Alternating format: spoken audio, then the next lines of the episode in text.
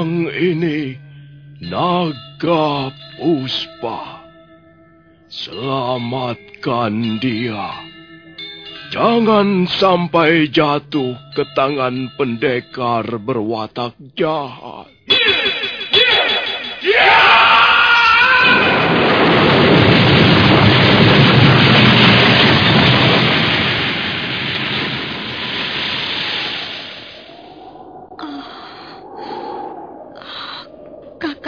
Kakang Kamandanu, kau, kau masih juga tidak percaya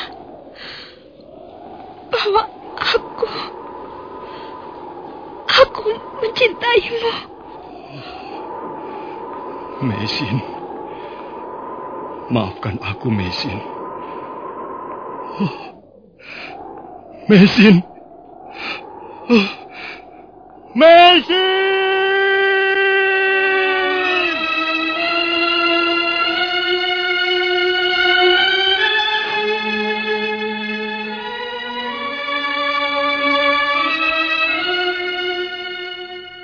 Tutur Tinula.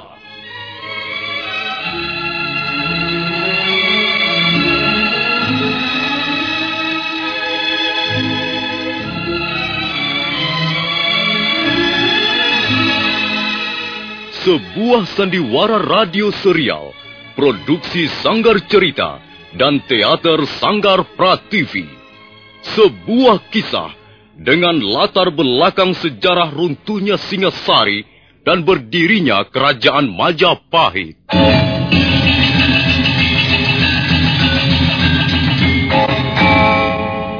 Sandiwara ini didukung oleh pemain-pemain radio yang sudah ternama. Ferry Fadli, Ivone Rose, dan Eli Ermawati.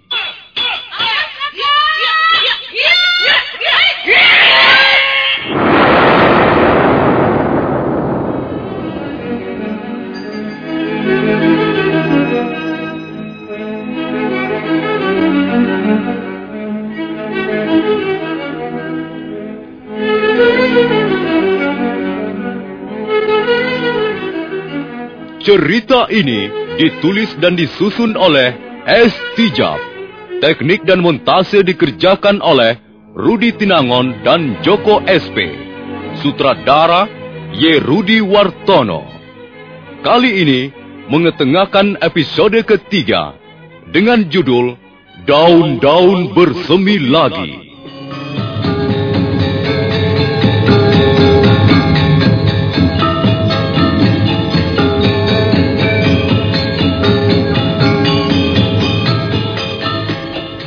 Dalam seri yang ke-85 ini didukung oleh para pemain Ferry Fadli sebagai Arya Kamandanu, Eli Ermawati sebagai Mesin, Rini Marjan sebagai Sariti, Benny sebagai Sanding, Ape Burhan sebagai Banyak Dekur, Dahlan sebagai Penggalah, Hari Aki sebagai Empu Hanggareksa, Eli Panca sebagai Nyerongkot, dan Nusri pembawa cerita. Selamat mendengarkan.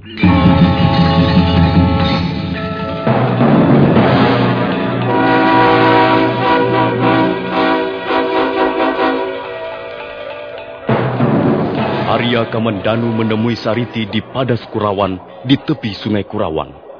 Pada saat itu Sanding datang dan pemuda Tumangkar itu cemburu. Arya Kamandanu marah ketika Sanding mengungkit-ungkit masa lalunya bersama Narirati. Nah, Kamandanu, itulah peristiwa yang pernah terjadi lima tahun yang lalu. Semua orang tahu, bahkan berita itu sampai juga ke desaku, Tumangkar. Memang peristiwa aib mudah tersebar. Peristiwa aib sama dengan wabah. Sudahlah Kakang Sanding, hentikan. Jangan lagi ungkit-ungkit masa lalu Kakang Kamandano. Tidak ada perlunya, Kakang. Diam kau, Sariti. Dia pantas mendengar kata-kataku ini. Apa sebenarnya yang kau inginkan, Sanding? Ah, lalu setelah peristiwa yang menghebohkan itu, tiba-tiba kau menghilang bagaikan asap sampah busuk. Kau kecewa. Kau gigit jari karena gadismu direbut saudara tuamu sendiri. Kakang. Dan kau melarikan diri dari desa Kurawan. Sanding, kalau kau terus berkata-kata tentang masa laluku, aku tidak akan tinggal diam. Kau mau apa, Kamandanu? Kau mau membuat heboh lagi? Kau memang biang keladi keributan. Dan sekarang, kau mau membuat keributan baru dengan Sariti. Sanding, apakah kau seorang laki-laki? Bukan hanya kau yang bisa berlagak besar, Kamandanu. Kalau kau laki-laki, turunlah dari kudamu dan jangan hanya pandai bicara. Turun! Baik, aku akan turun. Nah, aku sudah turun. Sekarang kau mau apa, hah? Mau mengajak baku hantam? Sudahlah, Kakang. Minggirlah, Sariti. Jangan, Kakang. Jangan. Jangan. Kau pikir aku ini apa, Sariti? Kakang. Kau kira aku akan tinggal diam melihat tangannya menggerayangi tubuhmu? Manusia tidak senonoh. Kotor. Kakang. Setelah lima tahun keluyuran tak tentu arah, sekarang kau pulang untuk mengotori desamu sendiri. Orang seperti ini tidak pantas diberi hati. Ya! Jangan, Kakang. Jangan. Bagus. Gerakanmu cukup lincah. Sanding, tadi kau menuduhku suka membuat keributan. Apakah bukan kau sendiri yang suka keributan? Wah! Kalau takut, kau boleh melarikan diri, Kamandanu. Sudahlah, Kakang. Jangan ribut-ribut. Minggir, Sariti.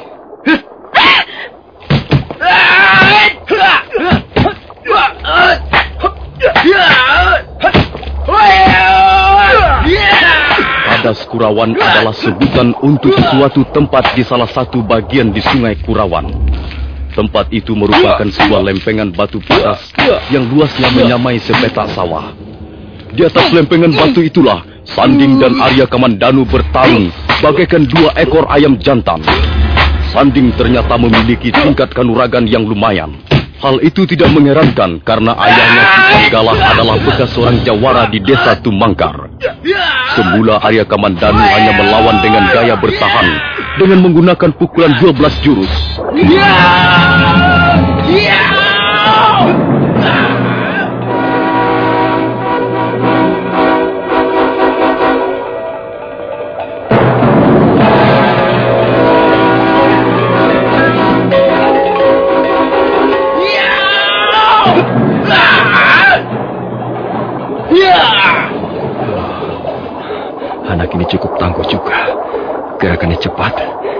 serangan-serangannya makin berbahaya. Ayo, Kamandanu!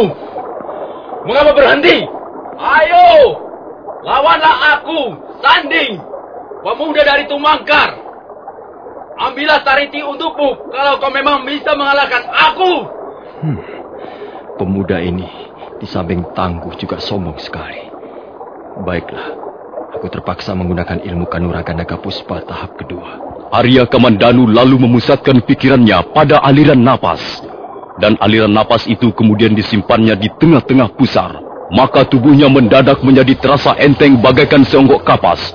Itulah Aji Seipi Angin atau juga terkenal dengan sebutan ilmu kapas. Kau memang baji. Inikah yang kau bawa pulang setelah mengembara lima tahun lamanya? Ya! Ya! Ya!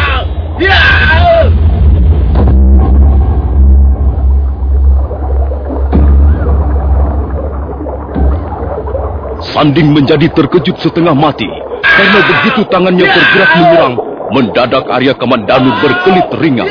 Saking cepatnya gerakan itu, seolah-olah Sanding melihat Arya Kamandanu lenyap dari pandangan matanya.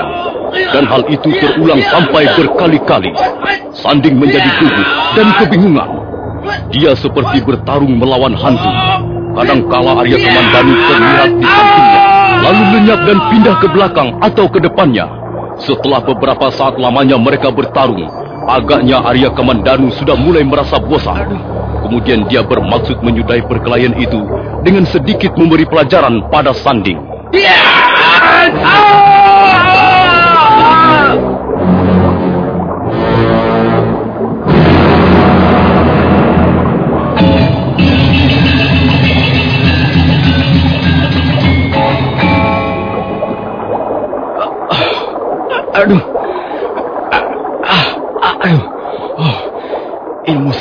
Mana yang digunakan orang itu?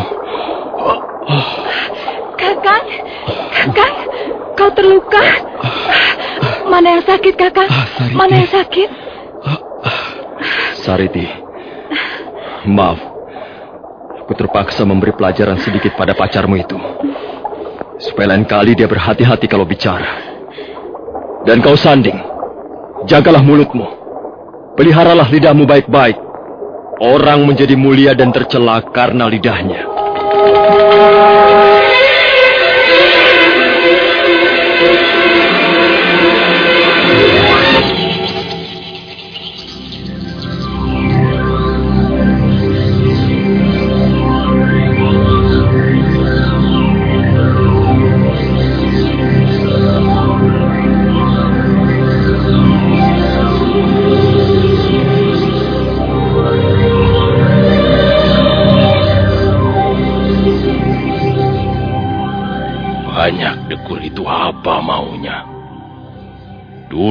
Dia bilang setuju anaknya ku ambil menantu. Tapi kok tiba-tiba ada berita yang tidak enak begini? Huh. Sanding! Sanding! Uh, iya, uh, iya, iya ayah. Oh, apa benar berita itu? Uh, uh, berita apa ayah? Anak celaka. Masa kau malah belum dengar? berita tentang Sariti, perempuan kesukaanmu itu. Katanya banyak dekur telah menerima lamaran Hanggareksa. Sariti mau dikawinkan sama anak Hanggareksa yang bernama Arya Kamandanu. Apa benar itu? Uh, mung mungkin, mungkin... Mungkin, mungkin. Aku ingin mendengar kepastiannya. Kalau memang benar, Aku tidak bisa terima. Aku malu. Semua orang Tumangkar sudah tahu bahwa Sariti itu calon istrimu. Hah, biar. Akan kutemui banyak dekor.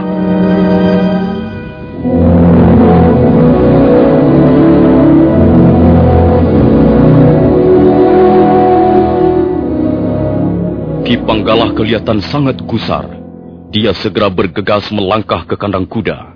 Seekor kuda hitam yang gagah meringkik keras ketika laki-laki setengah tua itu melompat ke punggungnya.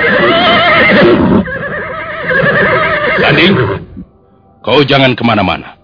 Kalau ada orang yang mencariku, katakan, aku kekurawan.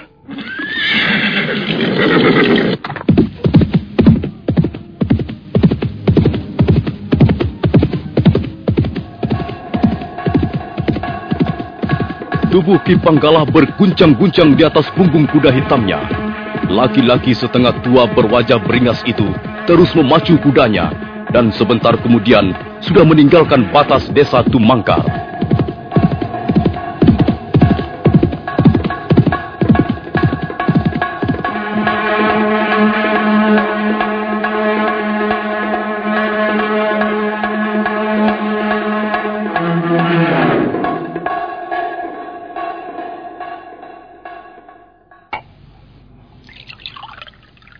Aku minum dulu banyak dekur.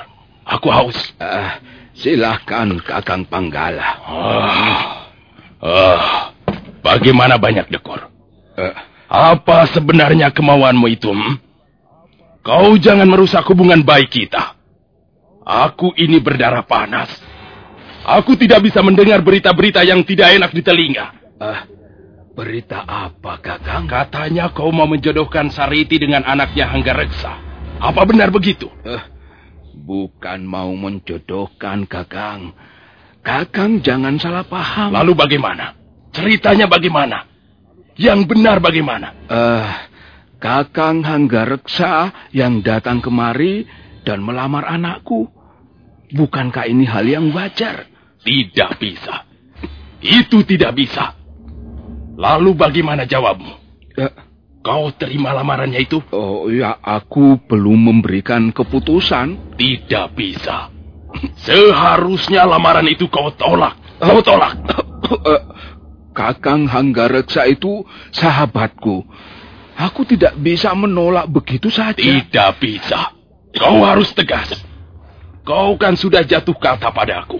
Uh, uh, Kau pernah bilang setuju Saritiku ambil menantu. Dan anaknya sendiri sudah suka sama suka. Tapi di antara kita belum ada ikatan apa-apa, Iya, Kakang. betul, Iya. betul. Eh. Belum ada ikatan apa-apa. Tapi aku tidak mau dibuat malu. Eh, Aku harus menjaga kehormatanku. Ah, semua orang di desaku sudah tahu bahwa Sariti adalah calon istri Sanding, anakku. Eh, eh, Kalau sampai mereka gagal menjadi suami istri, ah, rasanya tidak enak juga banyak dekur. Kakang Panggala jangan bersikap sepihak. Kakang juga harus memikirkan segi kepentinganku. Sariti ya anakku. Ya, siapa bilang Sariti anak setan? Sudahlah banyak dekur.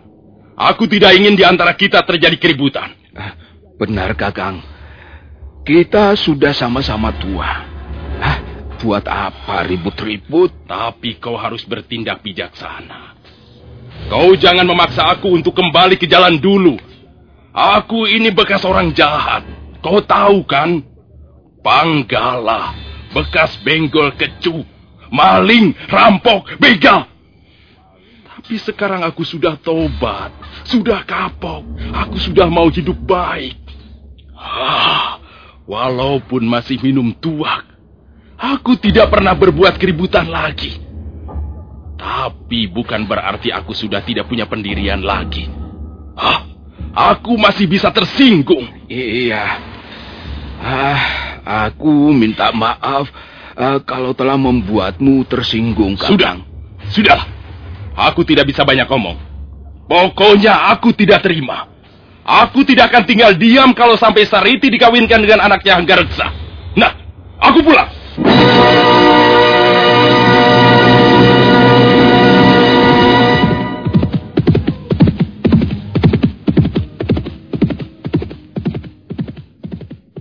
Ah, Sariti, duduk dulu sini. Iya, Ayah. Eh, lihat. Seperti itu calon mertua yang kau idam-idamkan. Orang tak tahu adat kesopanan. Kasar. Beringas. Kalau bicara seperti mau menerkam saja. Eh, tapi sebenarnya hatinya baik, Ayah. Baik, baik. Heh, Apanya yang baik? Eh, matamu itu sudah tertutup cinta. Eh, Mana bisa kau membedakan mana yang baik, mana yang buruk? eh? Manusia seperti kerbau sinting begitu masih kau katakan baik. Eh, sudah, sudah. Eh, aku mau pergi dulu. Kau jangan ke mana-mana.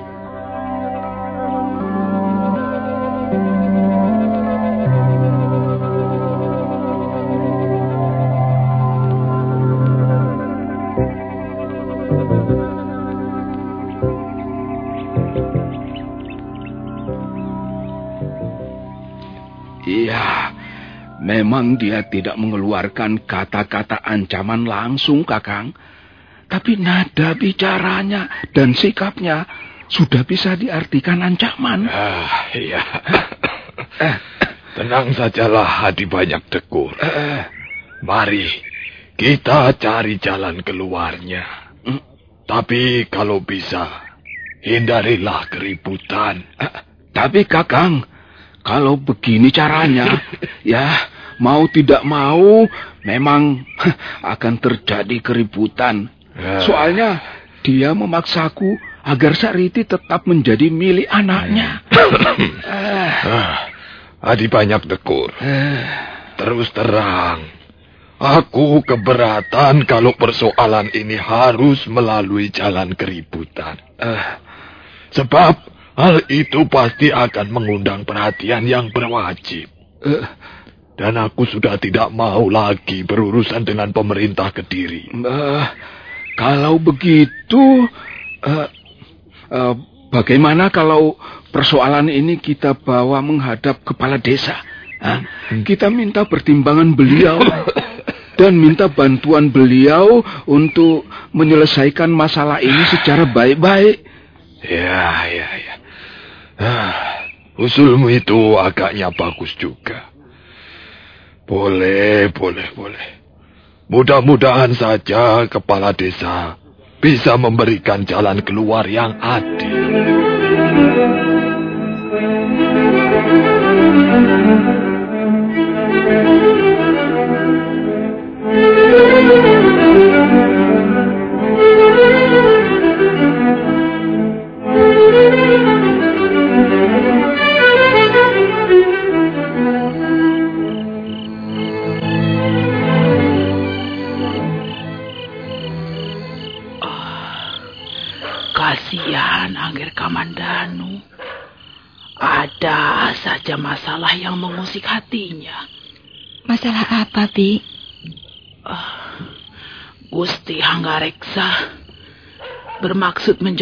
Angger Kamandanu dengan Sariti. Eh, siapa Sariti? Gadis Kurawan juga. Bapaknya masih sahabat Gusti Hanggareksa waktu masih kecil. Hmm, eh, lalu, Bi? Ya, ternyata Sariti sudah mempunyai pemuda yang menjadi pilihan hatinya. Pemuda itu marah-marah sampai akhirnya terjadi keributan. Padahal Angger Kamandanu sama sekali tidak tahu apa-apa. Mungkin maksud Tuan Hanggareksa baik, Bi. Eh, mungkin maksudnya untuk mempererat tali persahabatan di antara dua keluarga. Memang perkawinan model begitu sering kali terjadi, Nona. Namanya kawin keluarga. Ada lagi yang kawin harta. Eh, lalu, bagaimana sikap Kakang Kamandanu sendiri, Bi? Ya, Angger Kamandanu terang-terangan tidak setuju perkawinan macam begitu. Tapi Angger Kamandanu juga tak ingin mengecewakan hati ayahandanya. Maka itulah, kasihan Nona. Angger Kamandanu jadi seperti orang kebingungan. Eh, Bi, apakah Kakang Kamandanu sudah tidur? Belum. Tadi Bibi lihat Angger Kamandanu sedang duduk melamun di serambi depan.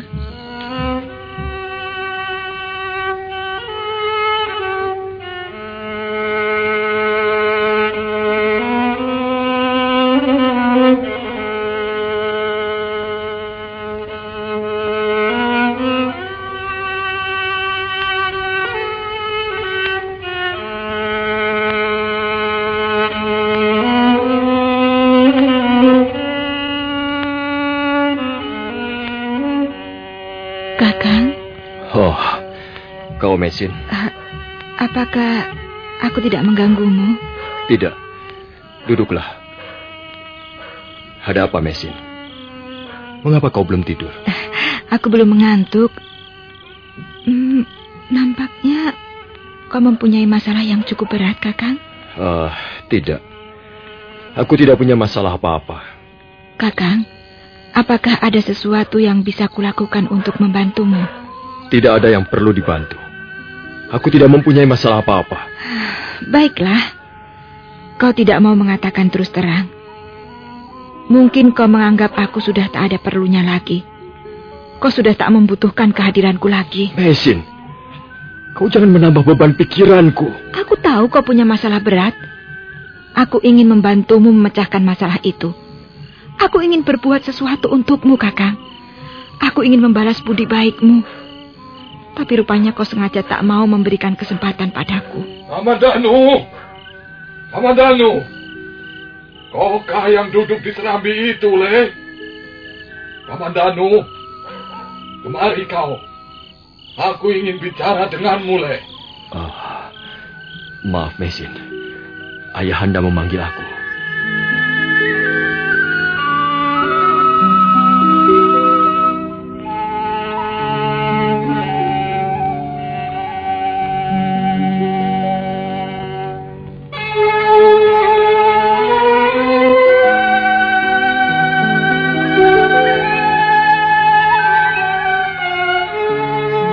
Suara Empu Hanggareksa cukup lantang. Suara itu bergema ke ruangan-ruangan di sekitarnya. Arya Kamandanu bergegas memenuhi panggilan ayahnya dan Mesin tinggal sendiri di serambi depan.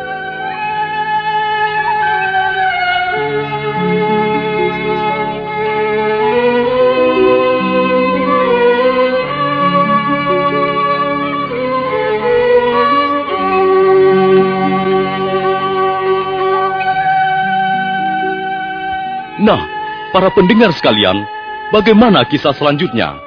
Apa yang akan dikatakan Empu Hanggareksa pada anaknya? Silahkan mengikuti seri berikutnya. Sampai jumpa.